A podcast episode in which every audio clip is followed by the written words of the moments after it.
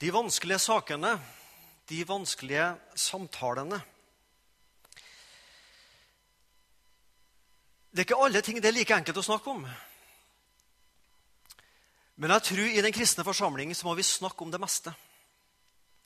Ja, nettopp i den kristne forsamling så er plassen for å snakke om det som ikke bare er enkelt i livet. Og det har jeg lyst til å snakke om litt i dag her i Misjonssalen i Sandnes. Hva er bakgrunnen for at jeg vil ta opp dette?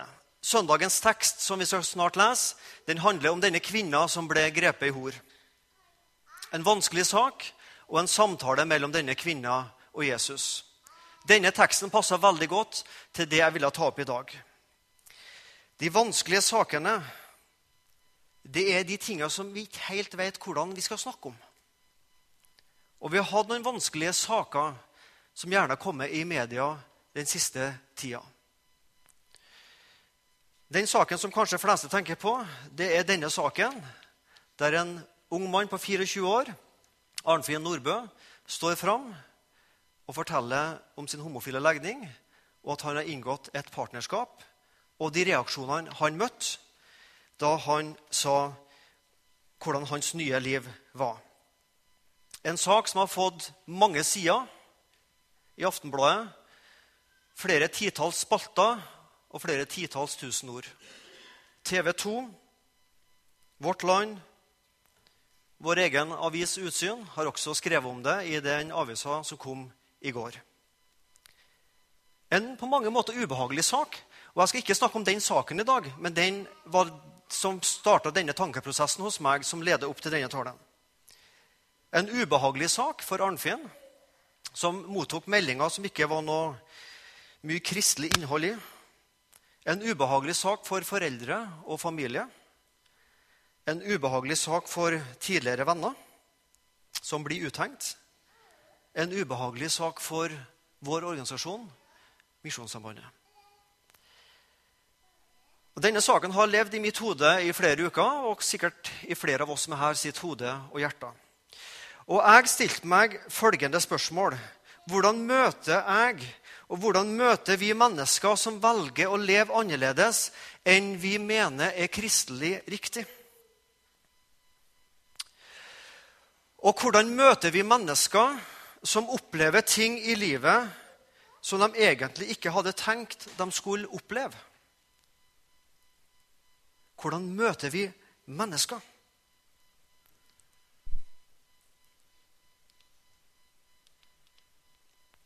De vanskelige sakene. Det kan være homofili, gravid før tida, skilsmisse, gjengifte, ikke-kristne barn, samboerskap, sjølmord, andre ting.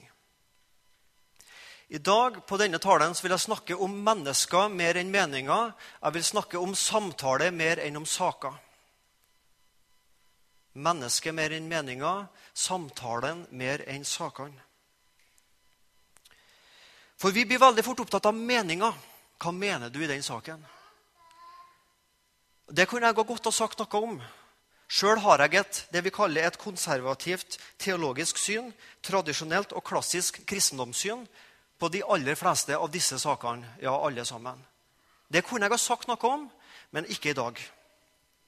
I dag skal vi snakke om hvordan vi møter mennesker. Dette er et tema som er vanskelig å snakke om. Homofili, skilsmisse Disse tinga er ofte vanskelig å snakke om. Og det er som når vi snakker om fortapelser. Du snakker ikke om disse tinga med et smil om munnen. Mitt eget ståsted, ja. Hvordan har jeg opplevd dette i eget liv? Mange av disse tinga har jeg kanskje opplevd lite av. Men jeg har flere i min slekt og familie som ikke bekjenner seg som kristne, som har valgt Eller iallfall livet har blitt sånn at med skilsmisse og med samboerskap og noen ting av disse. Hvordan møter vi disse tinga? Hvordan møter vi disse vanskelige sakene?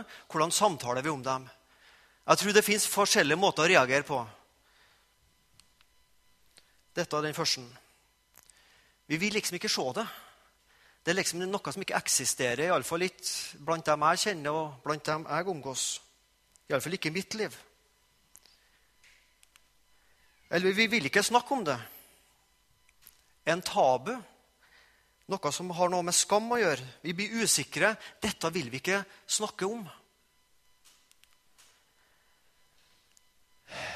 Og Hvis vi prøver å si noe, så kanskje opplever vi at verden ler av våre standpunkter, hva vi mener er bibelsk rett. Og så får vi satt merkelapper på oss. Vi er fordømmende, vi er sånn og vi er sånn. Og til slutt så tør ikke vi å si noe. Vi klistrer igjen munnen vår. Eller vi kanskje velger den måten der. Jeg skal jammen meg si mine meninger. Og så er vi usikre og så er vi litt redde. Og når vi er litt usikre og redde, iallfall overfor våre barn, så roper vi fort. Og så blir det kanskje sånn her også. Vi roper ut våre meninger på en måte som ikke er så veldig tjenlig. Dette er måter vi kan møte vanskelige saker, vanskelige samtaler på. Ingen av dem er spesielle gode.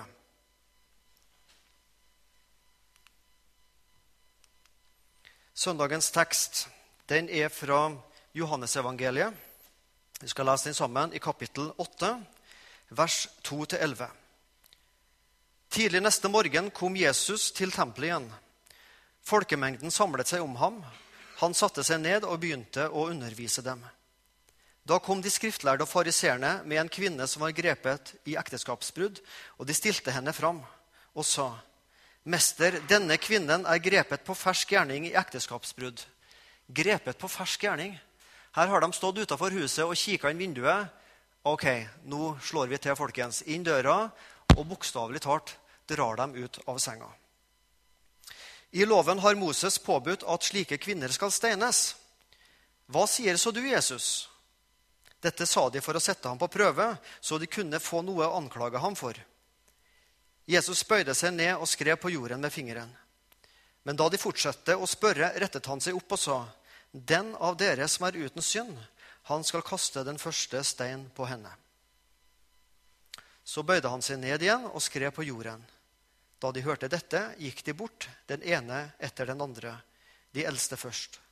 Til slutt var Jesus igjen alene med kvinnen som sto der.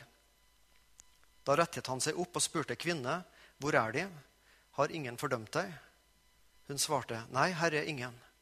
Da sa Jesus, Heller ikke jeg fordømmer deg. Gå bort og synd ikke mere fra nå av. En fantastisk tekst. Jesus i møte med mennesker. Du verden hvor mye jeg har å lære. Så flott det var noen som skrev ned disse historiene som Jesus gjorde, sånn at vi kan lære av dem for ettertida. Denne teksten skal vi bruke som, bakgrunn, som en bakgrunn i møte med mennesker som har opplevd synd. Eventuelt sjøl valgt å leve på tvers av Guds vilje eller utsatt for syndige handlinger. Du kan bevisst velge å leve synd, men du kan sjøl også bli påført synd som du sjøl egentlig ikke ønska i utgangspunktet en fantastisk tekst. Kvinna grepet i hor. De vanskelige sakene, de vanskelige samtalene. Denne talen blir ikke en menyliste der du får mange gode tips til ting Hvis jeg bare gjør det sånn, så gjør jeg det rett. For meg handler det om å sette i gang en tankeprosess hos oss hvordan skal jeg møte mennesker som velger annerledes enn jeg mener er bibelsk rett? Homofili, saken homofili, og vi kjenner bare med samme vi sier at å, det er en tung sak. Den har ridd Den norske kirke som ei mare siden 1995. Den har vært veldig aktuell i siste uka nå med felles ekteskapslov og ting som har vært i media i det siste. Og følelser og sterke meninger kommer fort i sving når vi snakker om homofili. Men det handler jo først og fremst om menneskene som har slike følelser. Og Når vi snakker om disse tingene, så kommer to ord veldig kjapt på banen. og Det er ordene respekt og toleranse. respekt og toleranse. Og det er godt. Det er gode ord. Men ofte blir de definert ulikt. Vi legger ulike ting i dem. Kanskje noen av oss opplever det at når vi hører ordet respekt og toleranse, så blir det egentlig sagt at jo, respekt og toleranse det handler om at da må du godta og akseptere andre sine valg som rett for dem. Og det da å ikke akseptere f.eks. homofilt samliv, det er fordømmende å være intolerant. Og da kommer den som da tenker at Bibelen sier nei til dette. Ofte vil da en person kjenne at man taper for ord som respekt og toleranse. Men jeg tenker at ordet respekt og toleranse det er viktige ord som vi skal ta med oss. Det er viktig å ha toleranse og respekt for ulike syn. Å fastholde et eget syn gjennom å ha tenkt gjennom saken på ny. Ordet respekt, respekt, det betyr å se på en ting på ny betyr ordet respekt. Og så har vi alle meninger, og så møter jeg meninger som er motsatt av mine. Og Da blir spørsmålet er jeg villig til å gå en ny runde i mitt hode og mitt hjerte og vurdere mine argumenter. Og Det tror jeg vi som kristne skal gjøre. Og kanskje så vil vi havne på de samme meningene som vi hadde før. Men vi må være villige til å tenke gjennom våre synspunkter og se på saken på en ny måte og se den om igjen. Når du går ut herfra i dag, så skal du få med deg en liten pakke med to utsyn. Utsyn nummer åtte og utsyn nummer elleve i år. Der står det om skilsmisse, og der står det om homofili. Og så er de pakka inn i siste utgave av Jappa. Hvis du har dem hjemme, så kan du jo fint takke nei til gaven, men det blir delt ut når du går ut. I dette utsyn nummer ti i år så står det om homofili. Og Her er det flere som er intervjua, bl.a. ei mor som har en sønn som er homofil. Og Jeg leser litt herifra. Ragnhild Insebø, hva sier du til dem som hevder at du fordømmer sønnen din? Ragnhild opplevde at sønnen sto fram som homofil, og hun fastholdt sitt synspunkt at det er feil å leve i et homofilt forhold. Og så får hun spørsmålet hva sier du til dem som hevder at du fordømmer sønnen din. Det er jeg uenig i, sier hun. Jeg har fire barn og er glad i dem alle. På mange måter har min homofile sønn ligget mitt hjerte nærmest. For han har ikke hatt det enkelt. Det er viktig å understreke at når han forventer respekt for sitt ståsted, må også jeg kunne forvente respekt for mitt ståsted. Les det intervjuet med Ragnhild, hvordan hun har møtt denne situasjonen i sin egen familie der hun ble prøvd på egne synspunkter, hva hun skulle mene, og hvordan hun skulle møte sin sønn. Jeg skal ikke gå så mye mer inn på homofili, men jeg vil henvise til det utsyn. Ta med og les det. Nummer 10, 2008. Vi må tåle andres livsstil sjøl om vi mener at den er bibelsk gal. Vi må tåle at andre velger annerledes enn oss.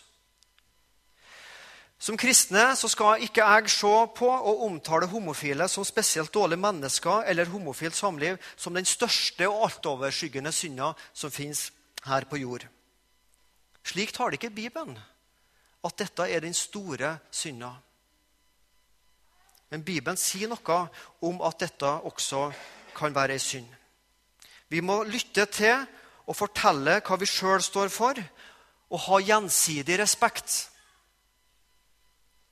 respektere andre mennesker, men samtidig også forvente respekt for det kristne synet, for det vi mener Bibelen sier i denne saken.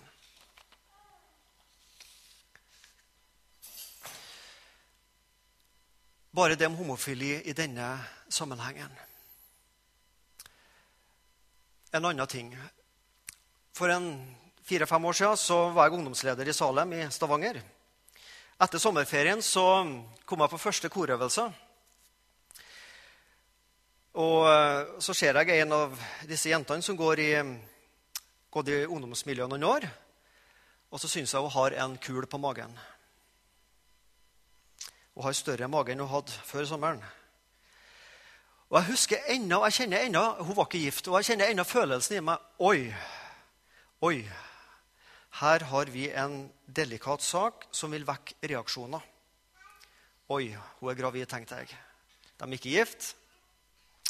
Oi, de er jo fra så gilde misjonshjem òg, husker jeg på jeg tenkte. Hva skal jeg si til hun og kjæresten nå? Ikke er de gift, og så har hun en større mage. Jeg, mitt poeng nå er følelsen. Jeg, husker, jeg kjenner enda følelsen i meg. Litt sånn panikkfølelsen. Oi, hva skal jeg si nå? Hva gjør jeg nå? Gravid for tida. Nå viste det seg det at hun hadde, hun hadde kun spist veldig godt i løpet av sommeren. Ja, La meg nå si det, da. Men, men, det er ikke poenget her. Hun var ikke gravid. Hun hadde spist kun veldig godt i løpet av sommeren. Men det var den følelsen i meg og de reaksjonene det skapte i meg. Hva, hva sier jeg nå? Hva gjør jeg nå? De er jo fra så ille hjemme òg. Ja, hva skulle jeg ha sagt? Nå skulle vi hatt god tid, så skulle jeg gitt dere et A4-ark og en penn. Sett dere ned og tenk og skriv hva ville du ha sagt. Hva ville du ha gjort? Hva slags tips ville du ha gitt ungdomslederen den gangen og sagt? De visste at det var synd med sex for ekteskapet. Kristne var dem. Hva skal vi da fokusere i en sånn situasjon? Jeg tror en veldig fin ting det er å stille spørsmål. Jeg har veldig tro på svar. Jeg har minst like tro på spørsmål. For jeg tror spørsmål setter i gang en tankeprosess hos mennesker. Hva, tenker, hva ville jeg ha sagt til dem? Jo, Kanskje i en samtale der hun har vært gravid, så ville jeg ha spurt hva tenker dere sjøl om det som har skjedd nå? Og hatt en samtale omkring det. Kan dere tenke dere å høre hva jeg tror Bibelen sier om dette? Still noen spørsmål på en god måte. Og løft fram det positive. Så flott at dere vil bære fram barnet. Det er mange nok som ikke gjør det. Så fint. Kan vi som forsamling være med og hjelpe til, legge forholdet til rette, si ifra om vi kan være med og støtte dere i denne prosessen? Jeg håper jeg kunne ha sagt noe av dette hvis situasjonen hadde vært der. Still noen gode spørsmål, få en god samtale og løft fram det positive. Ikke bli taus og tenk dette går over av seg sjøl. Ja, jeg er gravid for tida, det går ikke over av seg sjøl. Ikke rop. Hva hjelper det? Lytt. Still noen spørsmål. Del noen tanker ut fra Guds ord. Fokuser på framtida og mulighetene, ikke på fortida og synda. Og så er det mulig å si og det er mulig å tenke to tanker i hodet samtidig. Både synd og nåde. Det er jo det kristendommen er. Det er noe som er synd, men det er nåde å få. Og Denne historien med Jesus og den kvinna som er grepet i synd, den er jo et eksempel på det. Det er noe som heter synd, og det er noe som heter nåde. Og det er for synd vi trenger nåde. Snakk om ting. Ikke tenk at ting går over av seg sjøl. Et annet vanskelig ord er ordet skilsmisse.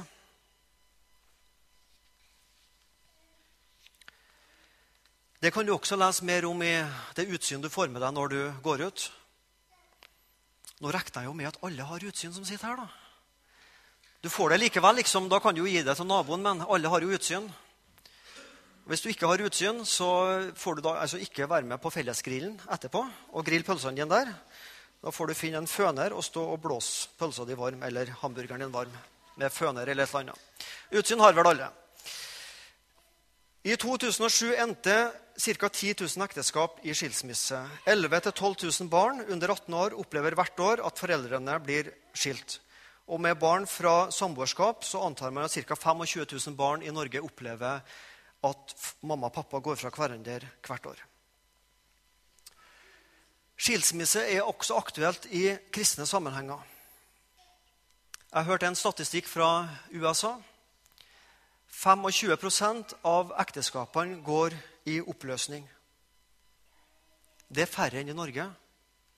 Det interessante med statistikken var blant dem som bekjente seg som kristne Born again Christians, som de kaller USA.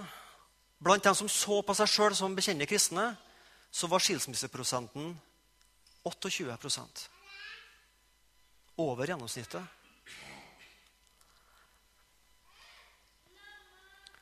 Egne erfaringer.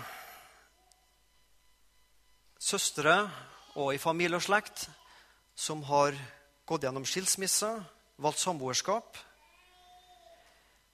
I kristen sammenheng har jeg opplevd det veldig lite. Hvordan møter vi skilte mennesker?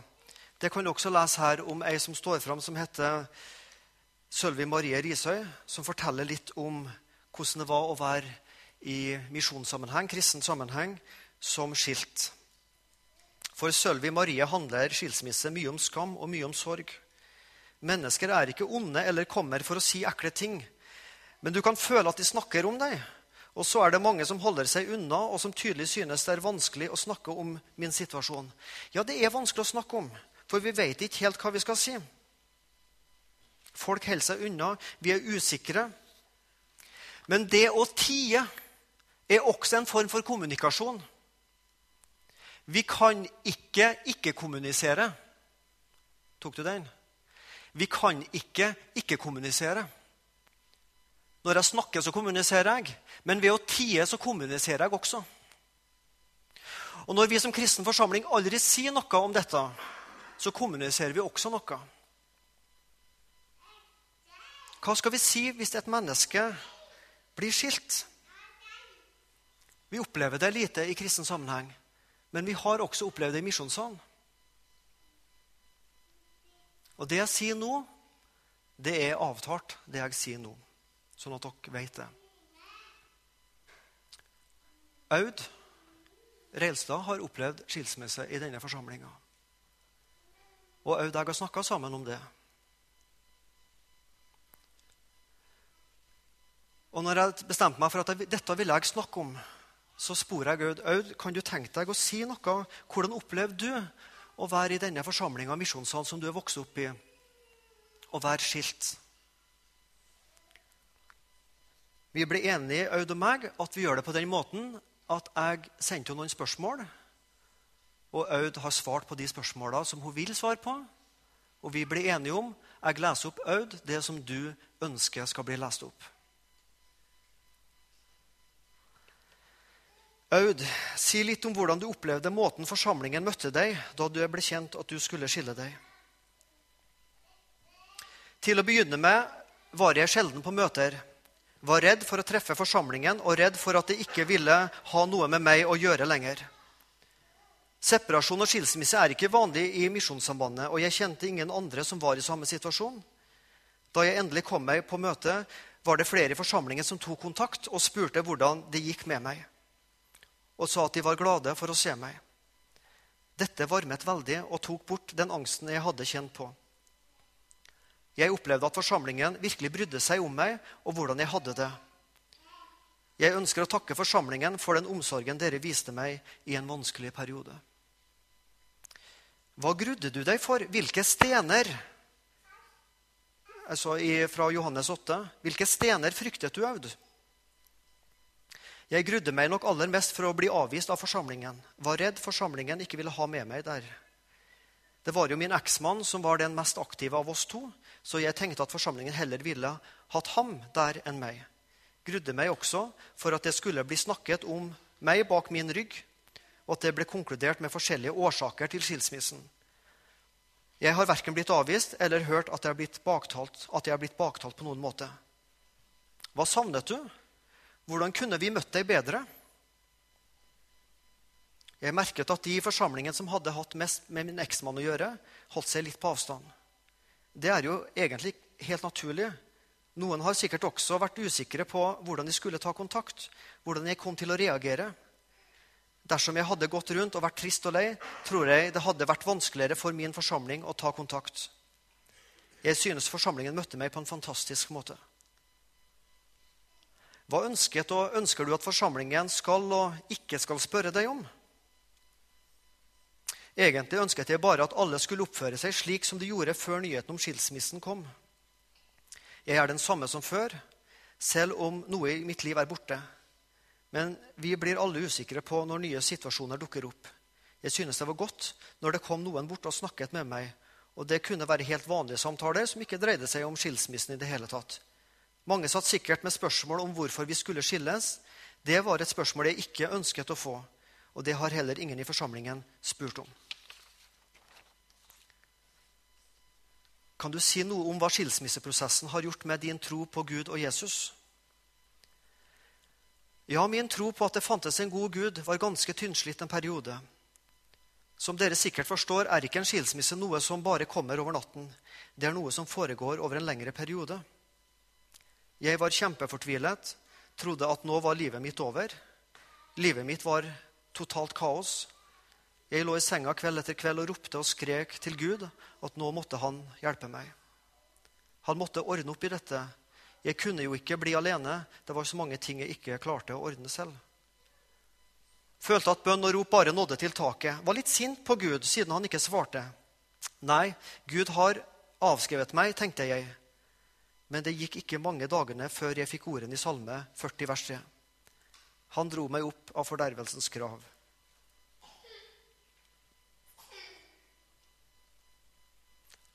Opp av den dype gjørmen. Han satte mine føtter på fjell og lot meg gå med faste skritt.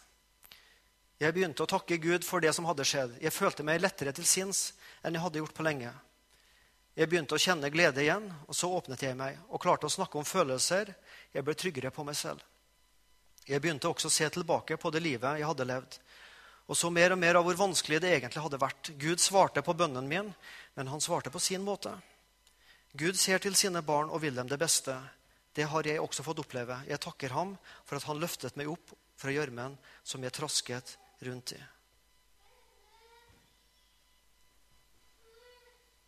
Heller ikke jeg fordømmer deg. Hva har skilsmissen gjort med din opplevelse og erfaring av nåden? Tiden før separasjonen var et faktum, ble jeg godt kjent med min syndige natur. Jeg trodde ikke det var mulig å ha så mange stygge tanker og ord inni seg. Og det var nok ikke alt som jeg hadde holdt på innsiden heller. Og det verste var jo at jeg visste at det var galt. Men jeg fikk lov å komme til Jesus med syndene mine. Han tok mine synder med opp på korset, og mine synder er tilgitt. Jeg har fått lov til å starte på nytt, et nytt liv sammen med Jesus i sentrum. Han har fått stor plass i hjertet mitt, og jeg får oppleve at Guds nåde er ny hver dag.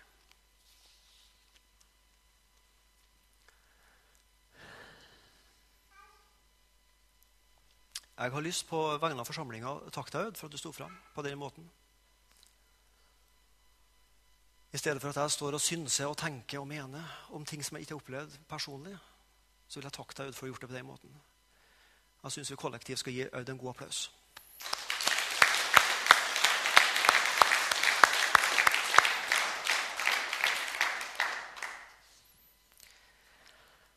Jeg har veldig mye jeg har lyst til å si. Jeg ser tida går.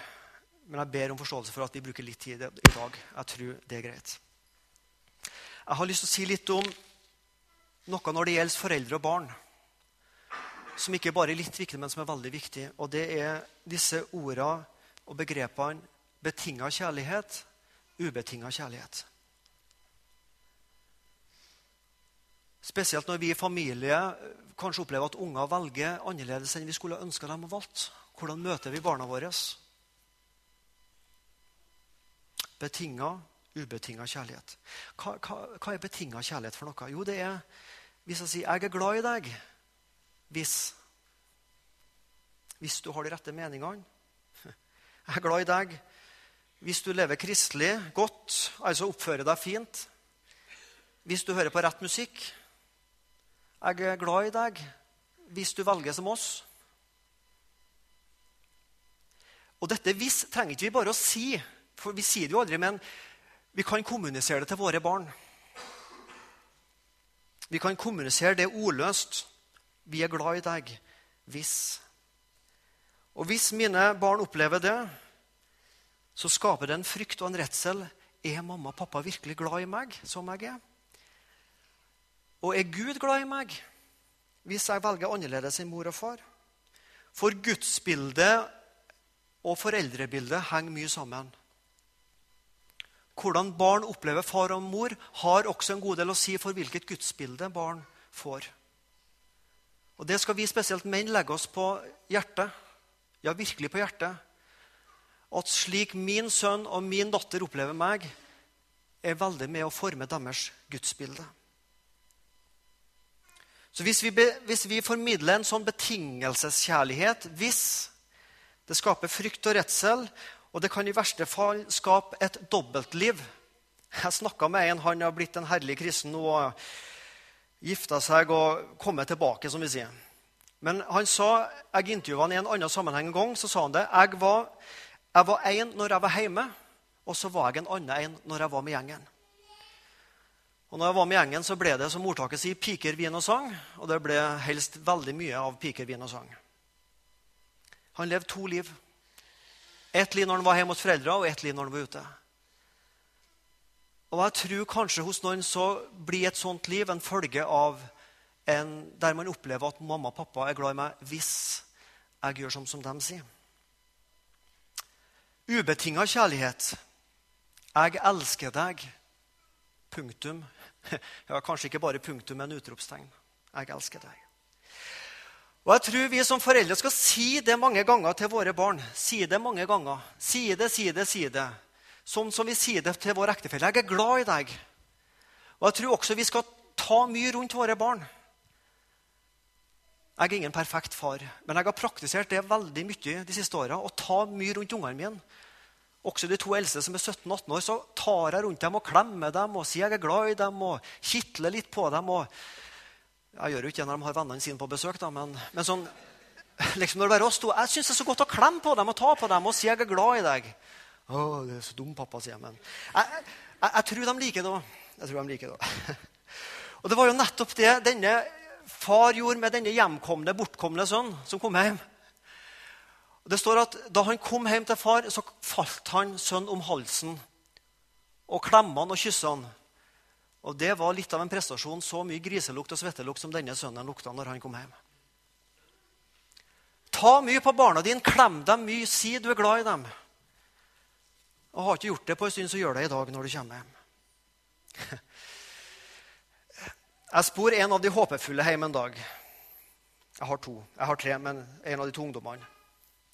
Så fortalte jeg litt om denne talen jeg skulle holde i dag. Og så sier jeg Hvis du nå hadde blitt muslim, hvordan ville du at jeg skulle ha møtt deg? Hva ville du at jeg skulle ha sagt eller ikke sagt hvis du nå har valgt for å bli en muslim? sa jeg til en av disse to ungdommene hjemme. Jo, så svarte ungdommen jo, du skal få lov å være uenig, men du kan ikke nekte meg. Det kom liksom med en gang. Du skal få lov å være uenig, men du kan ikke nekte meg hvis jeg nå skulle ha valgt det. Og Jeg, prøver, jeg tror vi har en god samtale, og, um, med alvor og, og med humor. Så jeg, så jeg, sa at ja, du vet jo at eh, Mamma, vi håper jo at du velger mest mulig likt meg og mamma, da. Der kom den vissen inn igjen. Mm. Vi håper jo gjerne at du velger likt mamma og meg. Og personlig håper jeg jo at du blir veldig lik meg. ja, du vet, pappa, hvordan er sier, sier ungdommen. Hvordan er rangeringa? Det er Gud, og så er det Jesus, og så er Helligånd, og så er det Luther og Svein Anton. og Det er ikke så godt å si hvem som er først av Luther og Svein Anton. Nei, Det er litt Bob Bob, det er litt, som, litt hipp som happ, det. Det er klart Vi som foreldre håper gjerne at våre barn velger som oss. Skal bare mangle. Men hvis de ikke gjør det, så håper også jeg at jeg kan være en far som har en ubetinga kjærlighet. Vi har kommet til oppløpssida. Jeg lover dere. Vi har kommet dit. Nå er vi tilbake til teksten. For her kan vi lære noe av Jesus, hvordan han møter et menneske som valgte synd. Jesus stiller spørsmål, og Jesus gir noe svar. Eller kvinne svarer. Jesus stiller spørsmål, og så svarer denne kvinna grepet i hor. Nå skal du få et spørsmål. Hva ligger mellom spørsmål og svar? Hva ligger mellom spørsmål og svar? Hva skal vi fylle inn der? Jeg tror vi skal fylle inn undringa.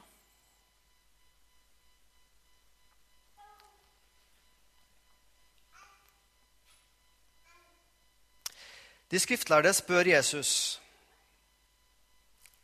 hva, hva, hva, mener du, Jesus? Skal vi steine denne kvinna? Men da de fortsatte å spørre, bøyde Jesus seg ned og skrev med fingeren på jorden. Og så kommer Jesus med sitt svar. Hva Jesus skrev i sanda, har jeg ingen peiling på. Betyr ingenting. Men jeg tror Jesus trengte ei stund til å tenke og undre seg. Jeg tror Jesus undra seg over disse harde hjertene, som var mer opptatt av å dømme denne kvinna enn å frikjenne henne, enn å hjelpe henne. Kvinne, hvor er de? spør Jesus. Og så svarer kvinna. Har ingen fordømt deg, spør Jesus. Hvor er de, kvinne? Har ingen fordømt deg? Og så svarer hun, nei, Herre, ingen. Og mellom der ligger det ei undring hos kvinna. Her møter jeg en mann som er annerledes enn de menn jeg har møtt. Her møter jeg nåden. Tør å stille noen spørsmål i de vanskelige samtalene. Ikke bli taus når du opplever at ditt barn velger annerledes, eller din kamerat eller venninne velger annerledes enn du. Ikke bli taus, ikke rop, men still noen spørsmål og gi plass til undringer. Og så skal vi frimodig svare på Bibelens vegne. Jesus ga noen svar, og et interessant svar hos Jesus. Han ba om hjelp. Gi meg vann å drikke. Han verdsatte denne kvinna i Johannes 4, altså fire kapittel før ga henne respekt. Du har noe å gi også til mitt liv, kvinne. Jesus forkynte evangeliet. Heller ikke jeg fordømmer deg. Kjente du Guds gave, og visste du hvem han er, han som snakker med deg?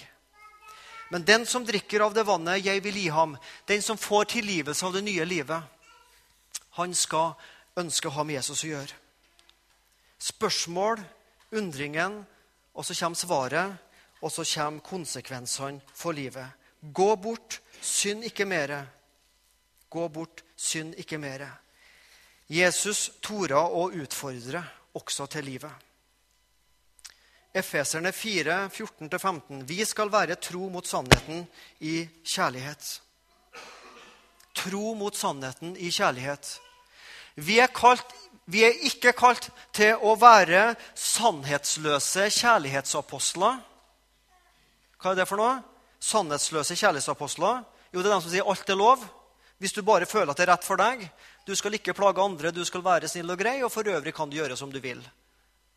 Vi skal ikke være sannhetsløse kjærlighetsapostler. Vi skal heller ikke være kjærlighetsløse sannhetsapostler. Sannheten skal frem for enhver pris. Og så sitter folk igjen med en følelse av at kristendom det er bud, og det er regler og det er ytre livsstil. Hvis jeg bare fikser det, så er jeg en god kristen. Da har vi blitt kjærlighetsløse sannhetsapostler. Nei, vi skal være et sannheten tro i kjærlighet. Jesus var sannheten tro i kjærlighet. Han kalte synd for synd. Han elska synderen. Han hata synder. Hva om denne kvinna har sagt til Jesus Jesus, jeg vil leve livet mitt sånn som jeg vil. Det har ikke du noe med, Jesus. Har jeg lyst til å leve med de mennene jeg møter, ja, så gjør jeg det. Hva ville Jesus ha svart da? Ja, Det vet ikke jeg, for det står det ingenting om. Men jeg tror, jeg tror Jesus ville ha svart med å kalle henne til omvendelse. Og sagt noe om at valget av Jesus og lydigheten mot Guds vilje det har et evighetsperspektiv. Og så tror jeg også Jesus ville vært villig til å la denne kvinna gå. Jesus lot en ung, rik mann gå som ikke var villig til å ta konsekvensene for sitt liv. Den rike, unge mannen vi leser om i Bibelen.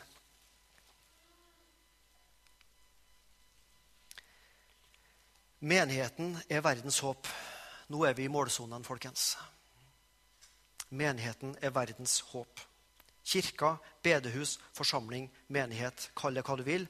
Vi er verdens håp, og jeg tror vi er Sandnes sitt håp, og jeg tror vi er enkeltmennesker sitt håp. Hva vil vi være? Hvordan vil vi være? Og hvordan skal andre oppleve oss? Vi kan bli en late som-forsamling. Ikke late folk, altså, men vi later som alt er vel og greit. Vi går på søndags formiddagsmøte, tar på oss findressen, kjolen, hva du vil, og så setter vi oss fint og pyntelig ned og later som alt er godt og rett. Bukker på de riktige plassene, synger de riktige sangene og putter opp i kollekten. og går hjem. Ingenting er så fint og pyntelig som gjerne en søndags formiddagssamling i kirka og bedehus. Vi tar på oss masker. Det blir lite dybde, det blir få samtaler om det virkelige livet. En late som-forsamling, der tror jeg det blir mye baktalelse. Der blir det kalde ansikter og stive nakker. Der blir det lukka munner og hårde hjerter. Vi vil ikke snakke om det, vi vil ikke se det. Dette får dere ordne opp i sjøl. Dette har ikke forsamlinga noe med. Og de vanskelige sakene blir et ikke-tema. Vi vil ikke se, vi vil ikke snakke. La oss heller være en ærlighetsforsamling. Ærlighet og åpenhet det er atmosfærer som må dyrkes fram i forsamling. Tenk nå etter. Hva er det som Hvem er det ditt og mitt hjerte dras imot? Tenk følgende situasjon. Vi har vitnemøte. Så står en av oss opp og sier La oss si at det var meg da som sto opp og, si, og sa følgende. Så fint å være her i forsamlinga i dag. Jeg er så glad jeg er med hele min familie, og vi har gledd oss hele uka til å gå på møte. og Hver dag har vi hatt familieandakt, og det går så bra, og vi snakker om hvor fint å være i forsamlinga. Alle ungene vil være med i kirka og bedehus uten å nekte på noe som helst måte, og de lykkes så godt på skolen. Og nei, det er så fint og flott. Ville ditt hjerte blitt dratt mot meg? Jeg tror heller vi kjenner en annen følelse i magen. Og. La oss si at noen har stått opp og sagt som følgende Det er godt å være i misjonssalen. Jeg syns det er en fin familie å ha her. Det er ikke alltid lett å få med barna. Det er ikke så lett å få til dette med gudslivet hjemme. Og krangling og litt sånn. Og vi prøver å lese et ord fra Bibelen, og sur er de, og ikke vil de høre. Og, og hvis de har hørt Nei, dette har vi hørt mange ganger før. Og, men vi prøver i alle fall å få det til. Jeg syns ikke det er lett. å... Ei helg så hadde, kom sønnen hjem og hadde vært ute og smakt litt alkohol. og Jeg, jeg syns ikke dette er så greit. Hvem av disse to ville ditt hjerte blitt dratt imot? Vi dras mot mennesker som er ærlige, ikke mot folk som later som alt er greit. Vi dras mot forsamlinger der folk er ærlige og åpne, og ikke der vi later som alt er greit. Jeg hørte en prest som fortalte da han var yngre gutt, så var han med faren og mora i kirka. Og I den kirka så hadde alle fast plass. Så hvis noen var borte, var det jo lett å se, for de hadde faste plasser. Så han spor far sin. 'Du, pappa, eh, jeg ser at Olsen ikke er her i dag.' For familien Olsen var borte. De satt ikke på de vanlige plassene. 'Pappa, familien Olsen er ikke her i dag.' Og så sa presten, så bøyde pappa seg over meg så sa han, 'De har problemer.' De har problemer.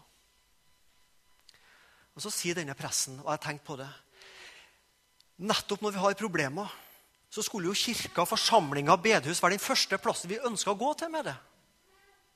I stedet for å dra oss bort og tenke at nå passer ikke vi inn i denne fine, flotte forsamlinga.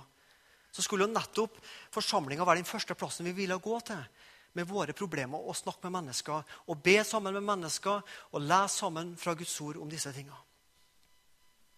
Ikke ei late som-forsamling, men ei ærlighetsforsamling. Verdens håp sitt håp, mitt håp. Hvis denne forsamlinga som heter Misjonssalen, utvikler seg mot ei ærlighetsforsamling Jeg tror vi er godt på vei. Det Aud ga tilbakemeldinga, er tydelig på at hun har opplevd det var godt å være her. Men jo mer vi kan bli ei ærlighetsforsamling, jo mer vil mennesker tenke her er det ei forsamling det er godt å være i. Dette er min forsamling. Her må jeg være. Du fikk kanskje ikke så mye svar i dag som du hadde håpa på. Jeg vet ikke, jeg. Jeg ga ikke deg så mye teologiske svar på disse vanskelige sakene.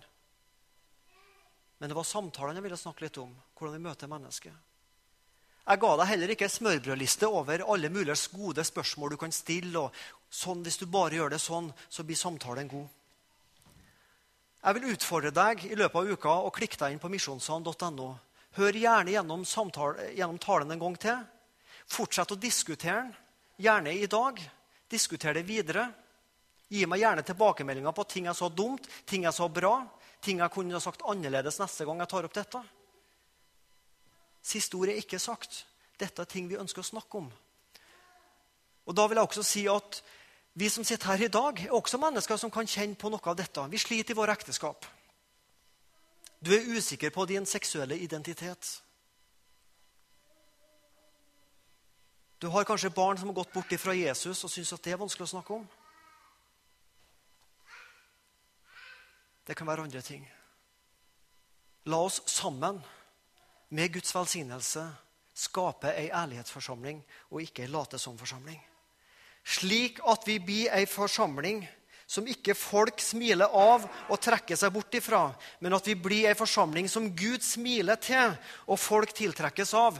At Gud sitter i himmelen og smiler mot oss og sier vel, de får ikke til alt i misjonssang. De lykkes ikke med alt, men en god del ting lykkes de bra med. Så flott at mennesker kan få være åpne om sine liv her i misjonssalen. En sånn forsamling har jeg, har jeg, lyst til å være med og skape. Og jeg inviterer hver enkelt til å være med og skape en sånn forsamling. Gud til ære, oss og Sandnes til gagn. I Jesu navn. Amen.